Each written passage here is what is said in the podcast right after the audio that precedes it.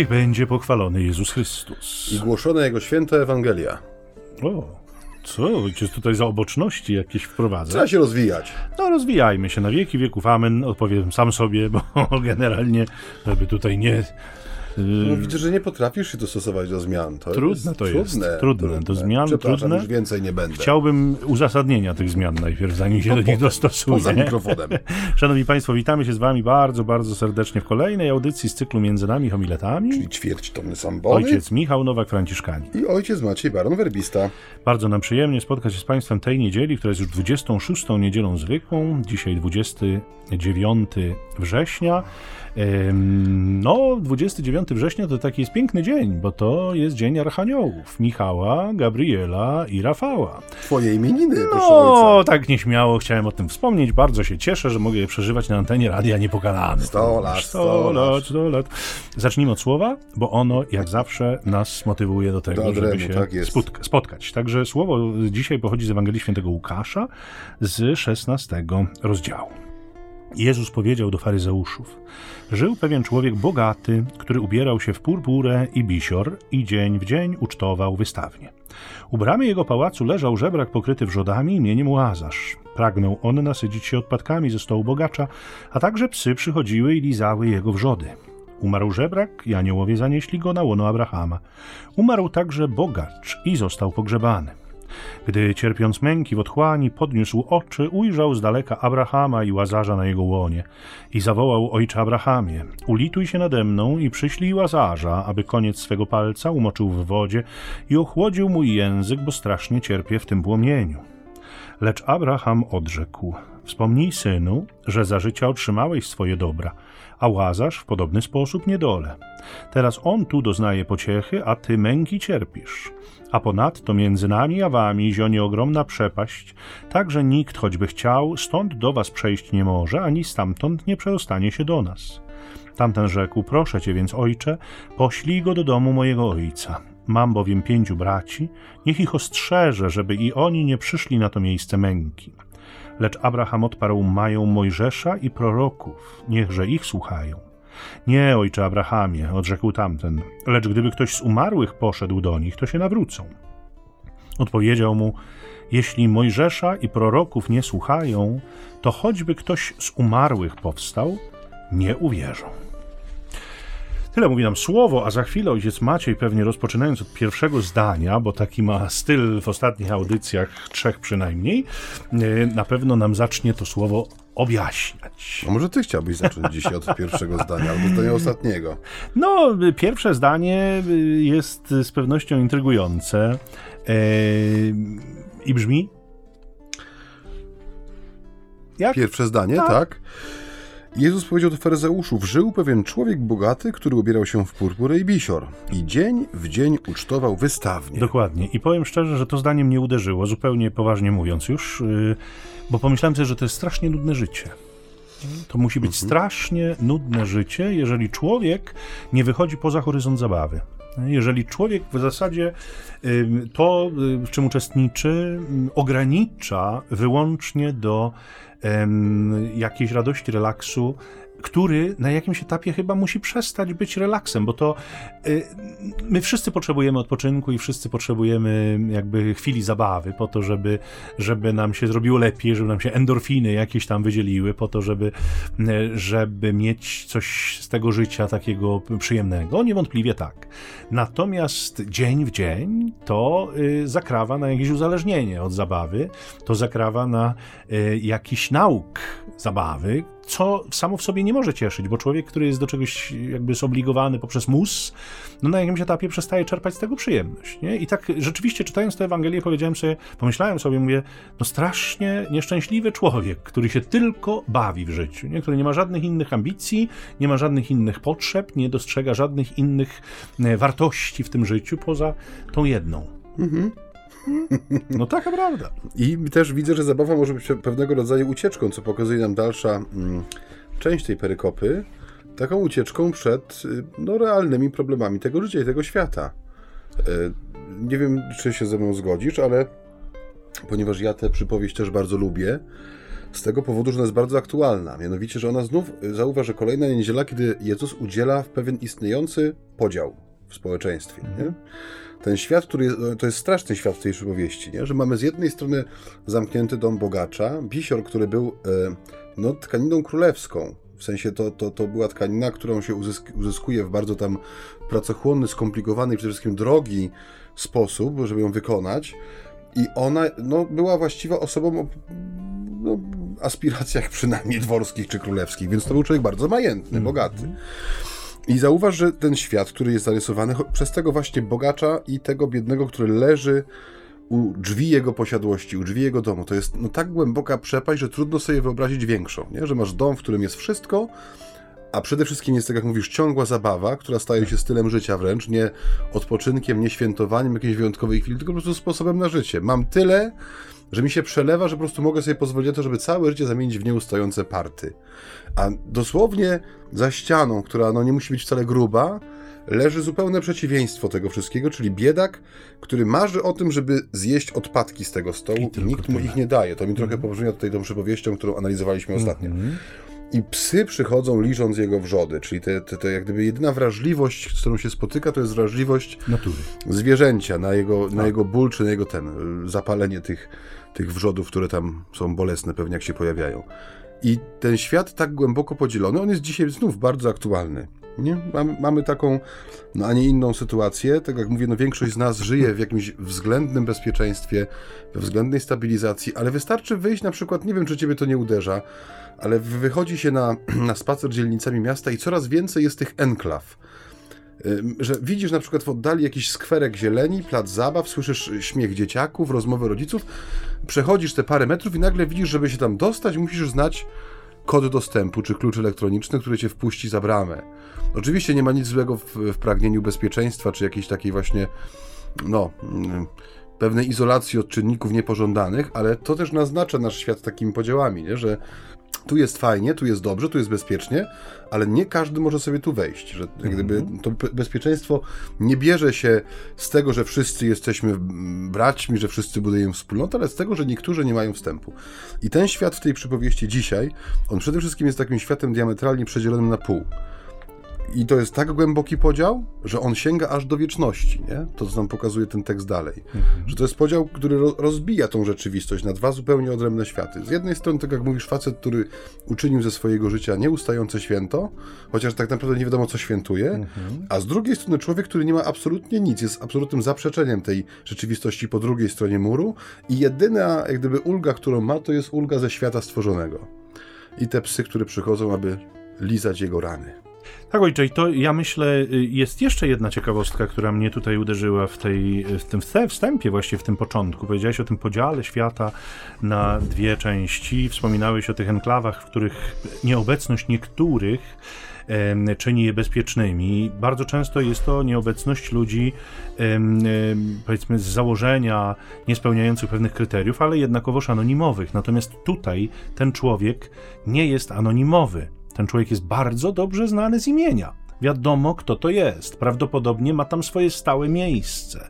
Ten biedak, który leży u drzwi tego bogacza, w żadnym wypadku nie chcąc go narażać na dodatkowe koszty. On chce rzeczywiście odpadki ze stołu bogacza, które w żaden sposób nie naruszą budżetu domowego. Co więcej, zakładamy, że przecież jako człowiek bogaty ten człowiek miał służbę, więc nawet nie sam musiałby się zaangażować, żeby te odpadki owemu łazarzowi wynieść. Mógłby to za niego zrobić ktoś inny, więc jest tu ukazana taka szczególna perwersja. Jeżeli nikt nie chce dać temu biedakowi coś czy czegoś, co i tak będzie wyrzucone, to y, rzeczywiście mamy tu do czynienia z takim grzechem trochę wołającym o pomstę do nieba. Zresztą skądinąd wspominałeś, że ta Ewangelia jest bardzo aktualna, to zdaje się dopiero niedawno, ja mało śledzę te medialne przekazy, ale zdaje się, że dopiero niedawno zostało skorygowane prawo, które daje dzisiaj możliwość przekazywania tak. jakichś tam, no nie tyle resztek może, czy ciągle jeszcze pełnowartościowej żywności, której już nie można sprzedać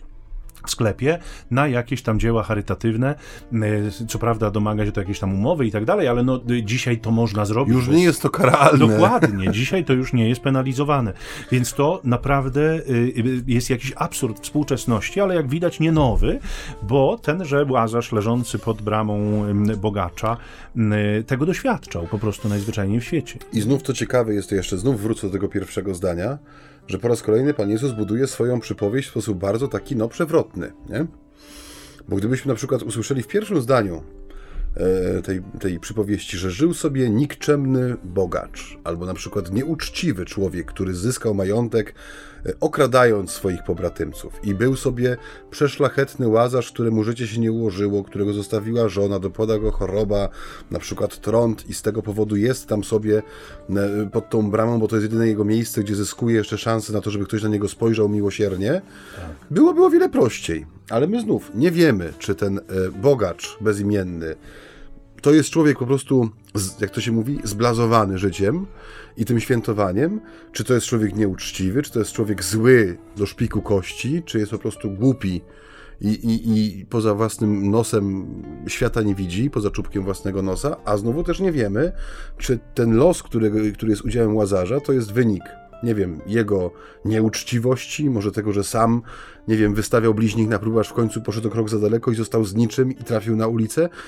I znów jak gdyby ta Ewangelia przez brak szczegółów więcej nam mówi, znaczy inaczej, bardziej koncentruje uwagę na tym, co jest istotne, niż gdyby podawała te szczegóły w taki sposób bardziej obfity, pozwalający to sobie rozrysować wszystko, nie? Aha, czyli to ten, ten jest bogaty, bo, a ten jest ubogi, bo. Nie wiemy. Stajemy wobec konkretnej sytuacji w danej chwili i widzimy ten głęboki podział, te psy i tego biednego łazarza i bezimiennego człowieka, który ubrany w bisior dzień w dzień świetnie się bawi, ucztując ze swoimi przyjaciółmi za zamkniętymi drzwiami swojej pięknej posiadłości. Ma poczucie siły, ma poczucie niezniszczalności, ale nagle przychodzi kres. Tak. Bo kres przychodzi na każdego, na biednego, na bogatego, na mądrego, na mniej mądrego, na każdego, kto się urodził, bo kto się urodził musi też umrzeć. No, pomijając tę wąską grupę, która nie umrze w czasie przyjścia Pana naszego, w czasie paruzji, e, ci nie umrą. Ale zasadniczo zakładamy, że zdecydowana jednak większość ludzi żyjących na tym świecie. I Henoch i Eliasz jeszcze. No, Henoch i Eliasz też, i Matka Boża. Tak. W każdym bądź razie, y, kto się urodził, ten umrze. No i ten los dotyka zarówno bogacza, jak i łazarza. I bardzo ładny, to jest majstersztyk, jakby podkreślenia różnicy tego, co się dzieje po. Mhm. Łazarz, który zostaje przeniesiony na łono Abrahama i bogacz, który zostaje pogrzebany. Czyli mamy to przeciwstawienie góra-dół. Mhm. Jeden jest w górze, wyobrażeniowo, drugi jest w dole. Jeden zażywa rozkoszy, a drugi, jak się za chwilę okazuje, cierpi męki. I to jest pytanie, jakie on męki cierpi nie co do szczegół, uszczegółowienia, jakie mm -hmm. on cierpi, tylko y, jakby y, y, myślę sobie, że jest to słowo, które niedwuznacznie sugeruje nam istnienie kary wiecznej, mhm. co dla niektórych nowoczesnych teologów jest jakąś formą nauczania trudną do przyjęcia, nie? bo jest wielu ludzi, zresztą nie tylko teologów, wielu ludzi, którzy zaklinają rzeczywistość i głoszą, że piekło będzie puste, bo tak im się wydaje właśnie, bo tak wierzą i tak mają prawo wierzyć. No, jakby ta prawda dzisiejszej Ewangelii zdaje się temu przeczyć, bo Łazarz jest rzeczywiście w jakiejś wiecznej części Natomiast y, bogacz jest w takim miejscu, do którego nie chciałby, żeby ktokolwiek inny trafił, jak na końcu powiada, prosząc o przestrzeżenie tychże swoich braci, do czego jeszcze dojdziemy, ale z całą pewnością nie jest to miejsce, którego komu, komukolwiek można by rekomendować. Więc ta różnica losów pokazuje, że takie życie E, jakie wiedli, wydało takie owoce, czy doprowadziło do takich konsekwencji, jakich doświadczają po śmierci. No właśnie to słowo owoc, którego użyłeś, mm. bardzo mocno pokazuje nam, czym jest śmierć tutaj. No bo często możemy spotkać się z takimi słowami, że zwłaszcza na jakichś kartkach okolicznościowych, czy z okazji jakichś smutnych wydarzeń, że śmierć jest nauczycielką życia. Ale mm. ona też wbrew pozorom jest nie tylko nauczycielką życia, ale też paradoksalnie śmierć rzuca światło na to, czym jest życie, bo zauważ, że no śmierć jest jedynym, jedynym, co łączy, jedyną wspólną częścią tej przypowieści, którą można powiedzieć tak y, Łazarze, jak i tego bezimiennego bogacza y, no, stawia na równi, jest właśnie śmierć. Nie stan ich posiadania, nie los za życia, nie pozycja społeczna, którą mieli, czy sposób, w jaki ten jeden znalazł się za życia, powiedzmy, na szczycie tej piramidy, a drugi zaległ u jej podstaw. Tego jak gdyby tutaj nie ma. Jest jeden moment wspólny, jest śmierć. Tak. I to jest drugi taki, wydaje mi się, temat dzisiaj niewygodny. Nie tylko istnienie wiecznego piekła, ale też y, ja się przynajmniej tak się orientuję, że coraz bardziej jest negowana śmierć. Mhm.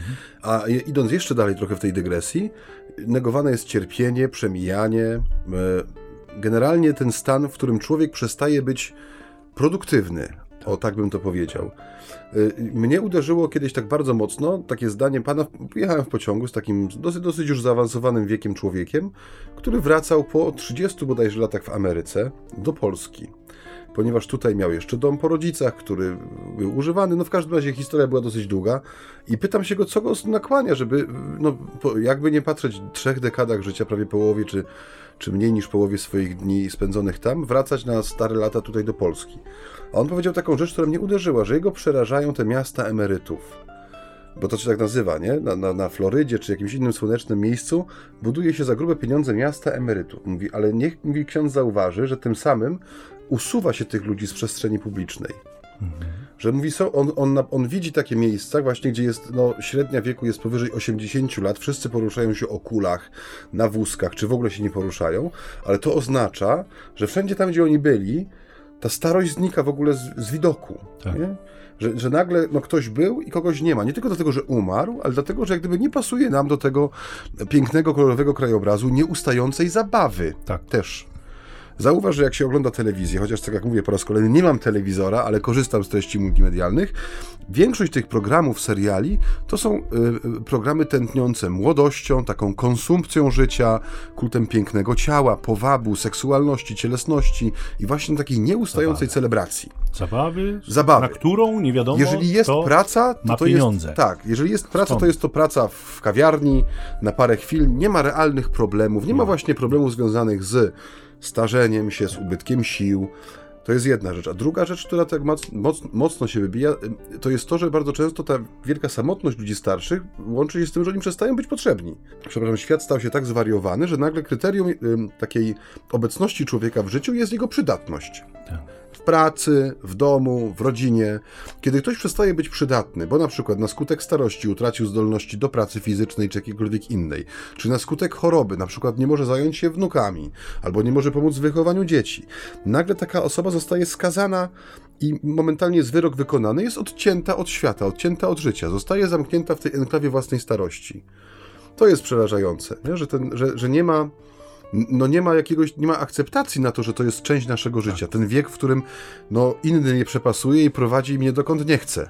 Ale bardzo często y, podnosi się przy tym bardzo szlachetne motywacje. No bo przecież my mamusi nie usuwamy z punktu e, czy z pola widzenia, tylko my dbamy o to, żeby mamusia miała właściwą opiekę, żeby ją miała przez całą dobę, żeby była też w gronie osób, które podobnym dokładnie wieku, mają podobne zainteresowania i tak dalej, i tak dalej. Więc to są takie wytrychy, które mają też uspokoić sumienie, mają te wszystkie drzwi tam pootwierać do pewnego przepływu e, swobodnego, tej, tego, no niejednokrotnie, nie zawsze, bo przecież oczywiście nie wykluczamy, że i są tacy, którzy naprawdę mają szczere intencje, ale jest cały szereg ludzi, którzy po prostu pozbywają się problemu, nie zdając sobie do końca sprawy chyba z tego, tak. że za 30 lat taki, jak nie gorszy los, los ich spotkać. Spotka Ale ich, bez wątpienia ich spotka. Wracając do Adremu, jak mówią Do Adremu, tak.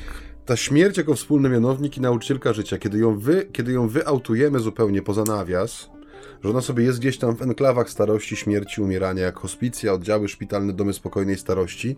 Tak jak mówisz, często zbudowane na bardzo szczerych intencjach albo na nieszczerych intencjach ubranych w ładne słowa. Ono, to wszystko sprawia, że faktycznie ta śmierć przestaje być nauczycielką życia, że my tracimy tę perspektywę dla człowieka właściwą, nie?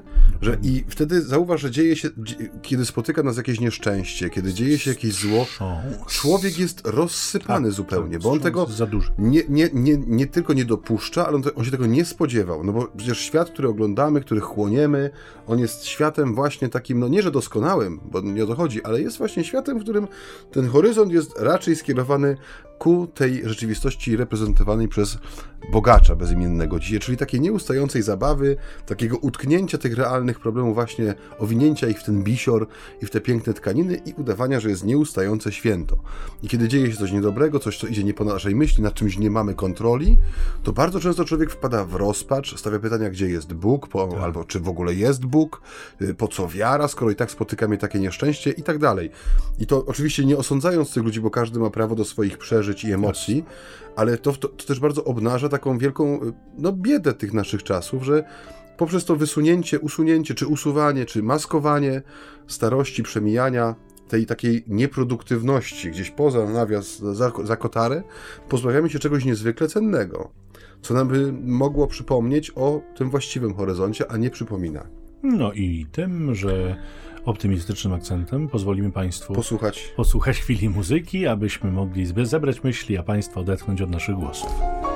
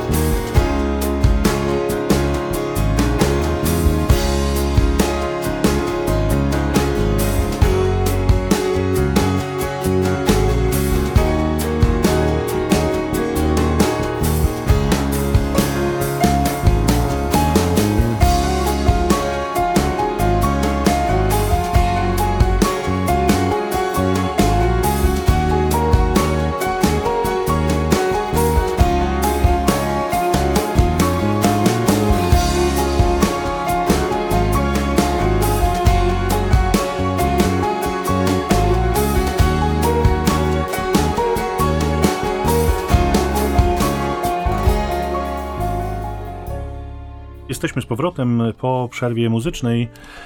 Zobacz, że ten wspólny mianownik e, losów ludzkich, który zbiega się w śmierci, ma swoje następstwo w tym odmiennym już zupełnie e, losie, który jest konsekwencją życia tu na Ziemi, ale to, co mnie uderza mocno i muszę to przyznać, e, przyznać to fakt, że oczywiście Łazarz zażywa te, tych radości na łonie Abrahama, natomiast bogacz cierpi męki, do których należy pragnienie ogromne, co wiemy bezpośrednio jego jakby wypowiedzi, ale dodatkowym cierpieniem, dodatkowym bólem jest niewątpliwie to, że widzi to, co, czy czego doświadcza tenże łazarz, to znaczy ma poczucie straty, widzi, co mogło się w jego życiu po śmierci również realizować, a co się nie realizuje. I to chyba powoduje też dodatkowe cierpienie i być może, no jeśli te emocje jeszcze tam są po tamtej stronie, no to pewnie także zazdrość, pewnie także rozczarowanie, rozgoryczenie, że sobie jakby w, no, tego kierunku nie zapewnił poprzez życie na tym świecie. Natomiast to, co znowu uderza mnie i zaskakuje, to jest to, że mm, bogacz nie zwraca się do Łazarza. Bogacz się zwraca do Abrahama. I zastanawiałem się, kiedy sobie medytowałem nad tą Ewangelią, y, zastanawiałem się nad tym, czy jakby nie przeniósł w zaświaty. Dokładnie. On go nadal nie dostrzega. Dokładnie. I to Tak jest naprawdę. nadal pan i sługa. Tak.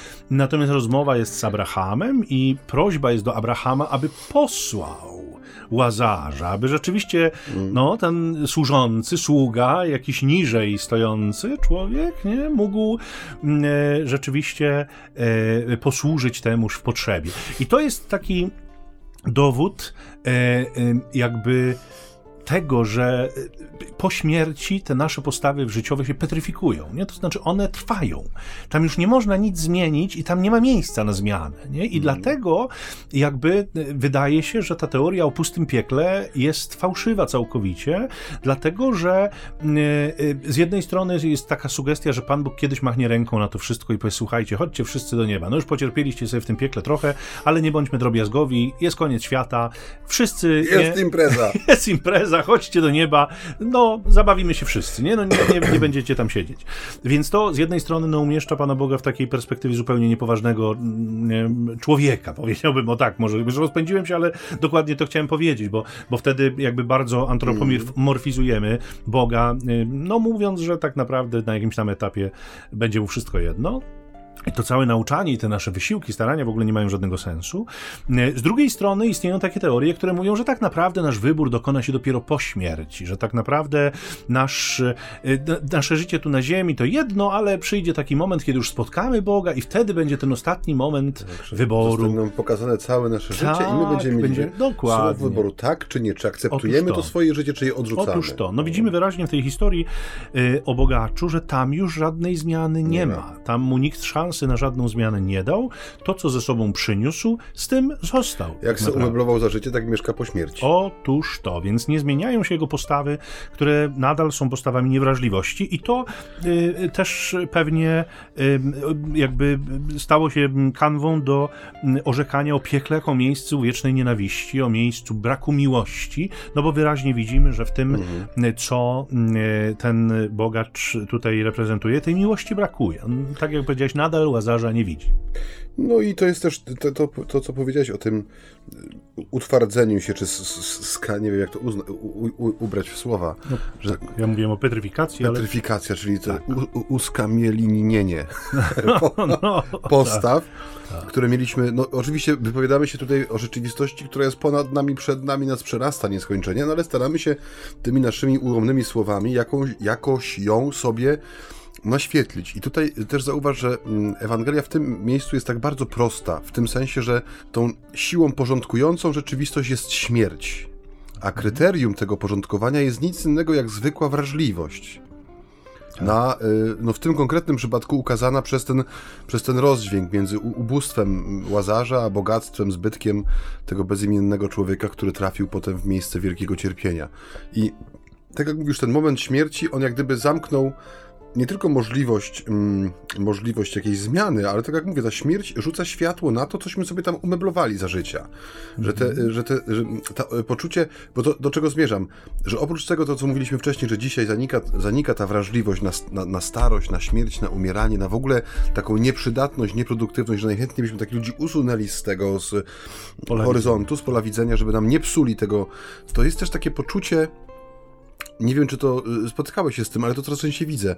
Zwłaszcza w, w, wśród tych, którzy powiedzmy coachują, czy, czy prowadzą innych, że nie przejmuj się dniem wczorajszym, to, co masz do wykorzystania to jest dzień dzisiejszy i bardzo często ten nowy start, nowy początek, on tworzy taką, nie wiem, czy można nazwać duchowością, ale taką duchowością wiecznego początku. Tak, nieciągłości absolutnie. Absolutnie nieciągłości, braku konsekwencji, braku owoców też, dla mnie, no bo to się z tym wiąże, że i z jednej strony wmawia się człowiekowi, że cały potencjał zmian tkwi w nim, że jeżeli sobie powie dzisiaj, że jest zwycięzcą i będzie praktykował te sześć, pierwszy, pie, sześć y, prostych kroków, które ktoś za 39,90 mu sprzeda w książce i będzie je aplikował do wszystkiego, co zrobi, czy że zaprogramuje się na sukces, że będzie powtarzał jak mantrę, że jest zwycięzcą i coś mu tam się należy, że to wszystko ma zmienić jego życie i sprawić, że ono będzie, ale od, od początku, od nowa, jak gdyby rozegrane, ale kiedy mu się nie uda żaden problem, ponieważ znowu może zacząć od nowa. Gdy tymczasem, no z tego co widzimy przynajmniej, czego uczy nas ta perspektywa biblijna, no ludzkie życie ma sens pewnej ciągłości, że człowiek to, co sobie posieje, to prędzej czy później zbierze. I to nie jest jakieś, że to jest jakieś fatum wiszące nad nami, czy, czy, czy dopust Boży. No po prostu taka jest natura świata stworzonego, że ziarno, które upada, no albo wzejdzie, albo nie wzejdzie. Jeśli wzejdzie, to kiełkuje, jeśli kiełkuje, to owocuje. Mhm. Jeśli wypowiadam jakieś słowo, które powiedzmy rani, to mogę się spodziewać tego, że prędzej czy później owoc tego zdania gdzieś mnie tam dopadnie, że to gdzieś mnie uderzy. Jeśli zaczynam zachowywać się w taki sposób, że bliźni nie staje się moim bratem, tylko wrogiem, to po jakimś czasie będę żył w oblężonej twierdzy. No, no taka jest, taka jest jest natura rzeczy. I tak jak mówisz, że w momencie śmierci nic nie zostaje jak gdyby nam ujęte, ale no znika ten świat, w którym jest możliwa zmiana, faktyczna zmiana. I zostaje tylko to, co jest w tym momencie zamknięcie naszych oczu, jako no, owoc naszego życia. To, żeśmy z, z pieczołowitością malowali przez 20, 30, 50, 100 lat żywota, zostaje nam nagle tym przebłyskiem śmierci ujawnione. To, co sobie namalowałeś przez tą, przez tą swoją ziemską egzystencję. Teraz rozpoczyna się nie tyle czas, bo nie będzie tam czasu, ale rozpoczyna się no życie w tym świecie. Korzystanie z tego. Korzystanie co? z tego, co, co żeśmy przez, tak. przez te lata swojego życia tam sobie wstawili, umeblowali. A że wiele korzystać się nie da w sytuacji bogacza, to podkreśla sam Abraham. Za życia otrzymałeś swoje dobra. I to jest też, y, myślę, taka y, ciekawostka, którą y, patron tego miejsca, w którym się znajdujemy, próbował swego czasu wyjaśnić, święty Maksymilian. Natknąłem się w jego pismach na e, jakby tłumaczenie tajemnicy powodzenia Y, grzeszników, mhm. prawda? Tych, którzy, no prawda, prawda? Tych, którzy y, powiedzmy, no są, y, są traktowani jako, jako nieprawi. Ta tajemnica nieprawości i powodzenia nieprawych, zresztą w Piśmie Świętym, zwłaszcza w psalmach, jest też powielokroć jakby ukazywana. Ale jak to wytłumaczyć? Otóż ojciec Maksymilian miał taką śmiałą teorię, że Pan Bóg widząc że człowiek zmierzając do śmierci, bo każdy z nas w tym kierunku zmierza, nie ma wielkich szans na zbawienie. To znaczy, sam ich sobie nie daje, sam ich sobie nie stwarza, czasami je sobie odmawia. Jakby Pan Bóg w swojej miłości bardzo chcąc, aby człowiek w jakiś sposób był szczęśliwy, daje mu na ziemi doświadczyć namiastki, rzecz jasna, tylko tego szczęścia wiecznego, którego mógłby zaznać, gdyby żył w inny sposób. Bo jakby Pan Bóg przewiduje, że będzie mu trudno się zbawić. Choć oczywiście nie jest to wykluczone, człowiek może się nawrócić, może do zbawienia jeszcze całkiem, że tak powiem, z przytupem e, wejść, ale gdyby nie, no to przynajmniej będzie miał wspomnienie, o ile możemy w ten sposób mówić, bo jak powiedziałeś, jest to zakryta pewna tajemna sfera, do której nie mamy dostępu. Będzie miał wspomnienie pięknego życia, że sobie trochę pożył i tyle radości mu zostanie po śmierci. Co innego e, biedak, człowiek, który cierpi, który doświadcza różnorakich trudności, prześladowań za życie, niczym łazarz, ten w wieczności będzie nagrodzony i ta jego nagroda rzeczywiście będzie e, czymś, co będzie go stanowczo i znacząco odróżniało od tych wszystkich, którzy są nieprawi. A więc ojciec Maksymilian próbował tłumaczyć tę tajemnicę nieprawości właśnie w ten sposób, że ona jest też wynikiem, znaczy nie tajemnicy nieprawości czy powodzenia nieprawych, że ona jest też wynikiem miłości Boga, że Bóg kocha wszystkich i wszystkich chce uszczęśliwić. Jednych uszczęśliwi ostatecznie dopiero w wieczności, ale niektórych ostatecznie uszczęśliwić się nie da, bo sami sobie tego szczęścia odmówią, więc choćby na miastka szczęścia już tutaj na ziemi. Ciekawa teoria. Myślę, że w jakiś sposób, teoria, tak. jakiś sposób można ją ja bym tutaj też bronił tej tajemnicy, bo też nie wiem, czy zauważyłeś, e, jeżeli mówimy o tym, że kryterium tutaj takim bardzo ważnym jest ta wrażliwość, której nie okazał e, Łazarzowi ów bogacz, my znów nie wiemy o tym, czy mm, Łazarz był człowiekiem wrażliwym. Nie? Tak, bo no, jakby jedyną jego zasługą no była ta jego bieda, ta jego nędza, ale ona nie jest zasługą. W zasługach, tak. Bo można być nędzarzem i przeklinać Boga. I przeklinać Boga. Więc tu jest też pewna, też wydaje mi się, że jest y, zaakcentowana ta tajemnica Bożego miłosierdzia, ale też Bożej sprawiedliwości. Że tego sobie do końca nie możemy rozrysować. Jest to też chyba taka przestroga przed tym, żeby łatwo nie kwalifikować, czy nie sądzić ludzi już tutaj na ziemi, bo to, to też mamy do tego łatwość, prawda, że y, bierzemy sobie na siebie tą funkcję y, trybunału, sędziego i jednocześnie kata. I, i tutaj nie wiem, no mówi, no, bieda nie jest zasługą, nędza nie jest zasługą, choroba też nie jest zasługą. No. Bo można leżeć na swoim łożu i przeklinać Pana Boga, niekoniecznie czekać na, na Jego pociechę.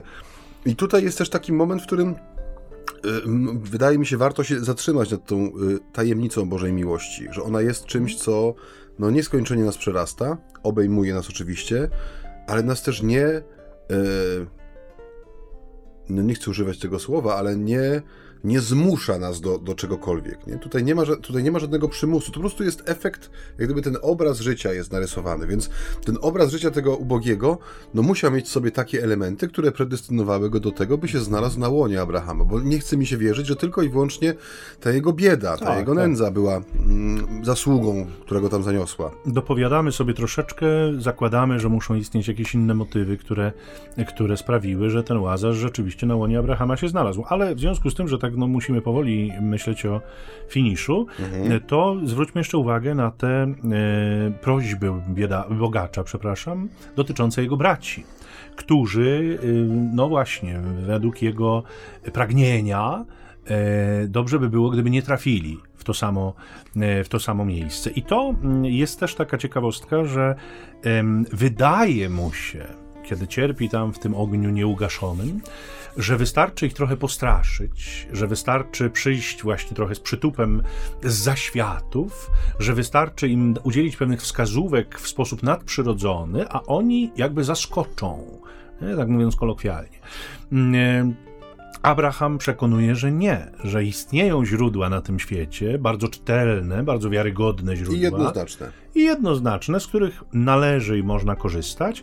Natomiast y, y takie połajanki z zaświatów albo jakieś wskazówki y, w y, y, okolicznościach nadprzyrodzonych, niestety mają to do siebie, że zwykle są krótkotrwałe, nie wywołują trwałego efektu nawrócenia życia. I przekonałem się o tym bardzo konkretnie w mojej rodzinie miałem taką ciotkę, bardzo sędziwą, już nie żyjącą od wielu lat, mm, e, jedną z sióstr mojej babci, która e, na co dzień Panu Bogu się nie narzucała, ale była pasjonatką objawień Matki Bożej na kominie, na szybie, jakichś różnych miejscach.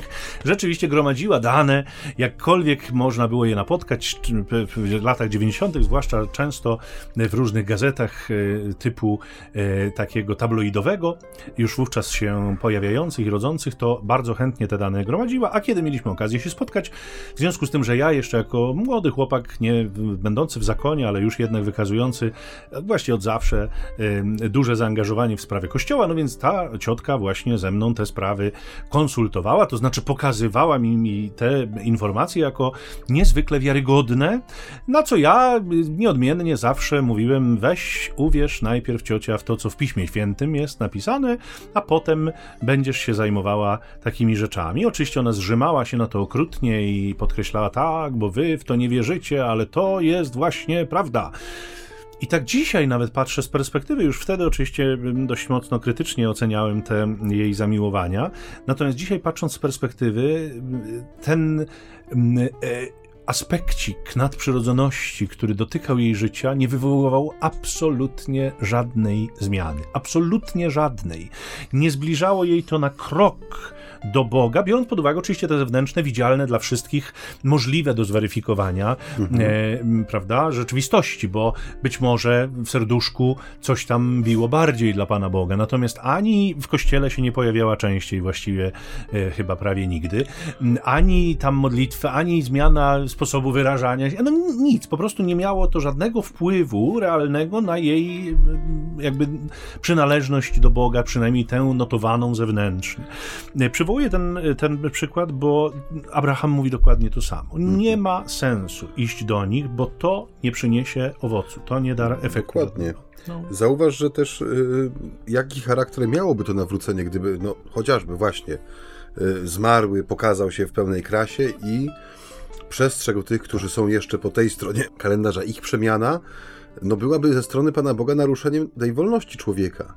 Bo nie zachowywaliby się, nie wierzyliby, nie praktykowaliby ze względu na to, że wierzą, tylko, tylko ze strachu przed tym, że może być tak, a nie inaczej. A to zupełnie zmienia też, no, nawet powiedziałbym, tą istotę ludzkiego życia, które jest no, życiem w wolności. Że wiara jest odpowiedzią w wolności daną Panu Bogu. Nie z lęku przed, albo ze względu na, ale ze względu, znaczy jest ze względu na, ale na to Słowo Boże, które nas prowadzi, któremu dajemy posłuch, jak wierzymy, przeżywamy obecność Bożą przez znaki, przez sakramenty, przez wspólnotę Kościoła w sposób widzialny jak najbardziej, ale jednocześnie ma to charakter znaku, czyli tej rzeczywistości jeszcze przed nami w pełni zakrytej. Tymczasem taka manifestacja, która byłaby jednoznaczna w swojej pozaziemskości, zupełnie przestawia akcenty. Moje podążanie za Panem Bogiem, czy nawet pragnienie zbawienia ma, zaczyna mieć charakter lękowy. Tak. Boję się piekła, nie, znaczy boję się piekła, nawet nie tyle, tylko nie chcę tam trafić, bo widziałem właśnie mojego bezimiennego bogacza, który przyszedł mnie postraszył tym piekłem, nie? Zmień się, bo trafisz tu, gdzie ja jestem. Dokładnie. To zupełnie zmienia no, ten, ten horyzont wolności i też chyba tej radości praktykowania wiary, radości Ewangelii, która powinna nam towarzyszyć, a zamieniłaby nas w smutnych unikaczy zła. Takich, którzy starają się nie nadepnąć na żaden pobielany grób, ani nie, nie, nie urazić swej stopy żaden kamień, ponieważ znamy zakończenie tej historii, nie? Dokładnie. I to chyba byłoby. Zakończenie tej historii. Zakończenie tej historii. Na dziś chyba wystarczy. Drodzy Państwo, Dziękujemy Wam za udział w naszej audycji. Po drugiej stronie radioodbiorników cieszymy się, że możemy kontynuować to nasze dzielenie się z Wami tym, co dla nas ważne. No, należymy do tego grona e, duszpasterzy, którzy słowem starają się żyć na co dzień i przede wszystkim starają się je ustawicznie medytować E, a także często głosić. Więc cieszymy się, że mamy tutaj dodatkową ambonę, z której ćwierć tony Spada naszego niedzieli. jestestwa może rzeczywiście w każdej niedzieli docierać do grona, nie wiemy, czy bardzo szerokiego, czy węższego, e, ale... Więc prosimy się ujawnić tak, nieustająco. Ale do tych, którzy zechcą włączyć radioodbiorniki, czy im internetowo się z nami łączyć, cieszymy się, że możemy docierać. Dziękujemy Wam za dziś, e, ten dzień i ten wieczór, bo zależy, kiedy Państwo nas słuchają, czy do południa, czy wieczorem. Niech należy do naszego Pana Jezusa Chrystusa, który niech Was błogosławi w imię Ojca i Syna i Ducha Świętego. Amen. Amen. Żegnają się z Państwem ojciec Michał Nowak, Franciszkanin i ojciec Maciej Baron Werbista. Pokój, dobro. Szczęść Boże.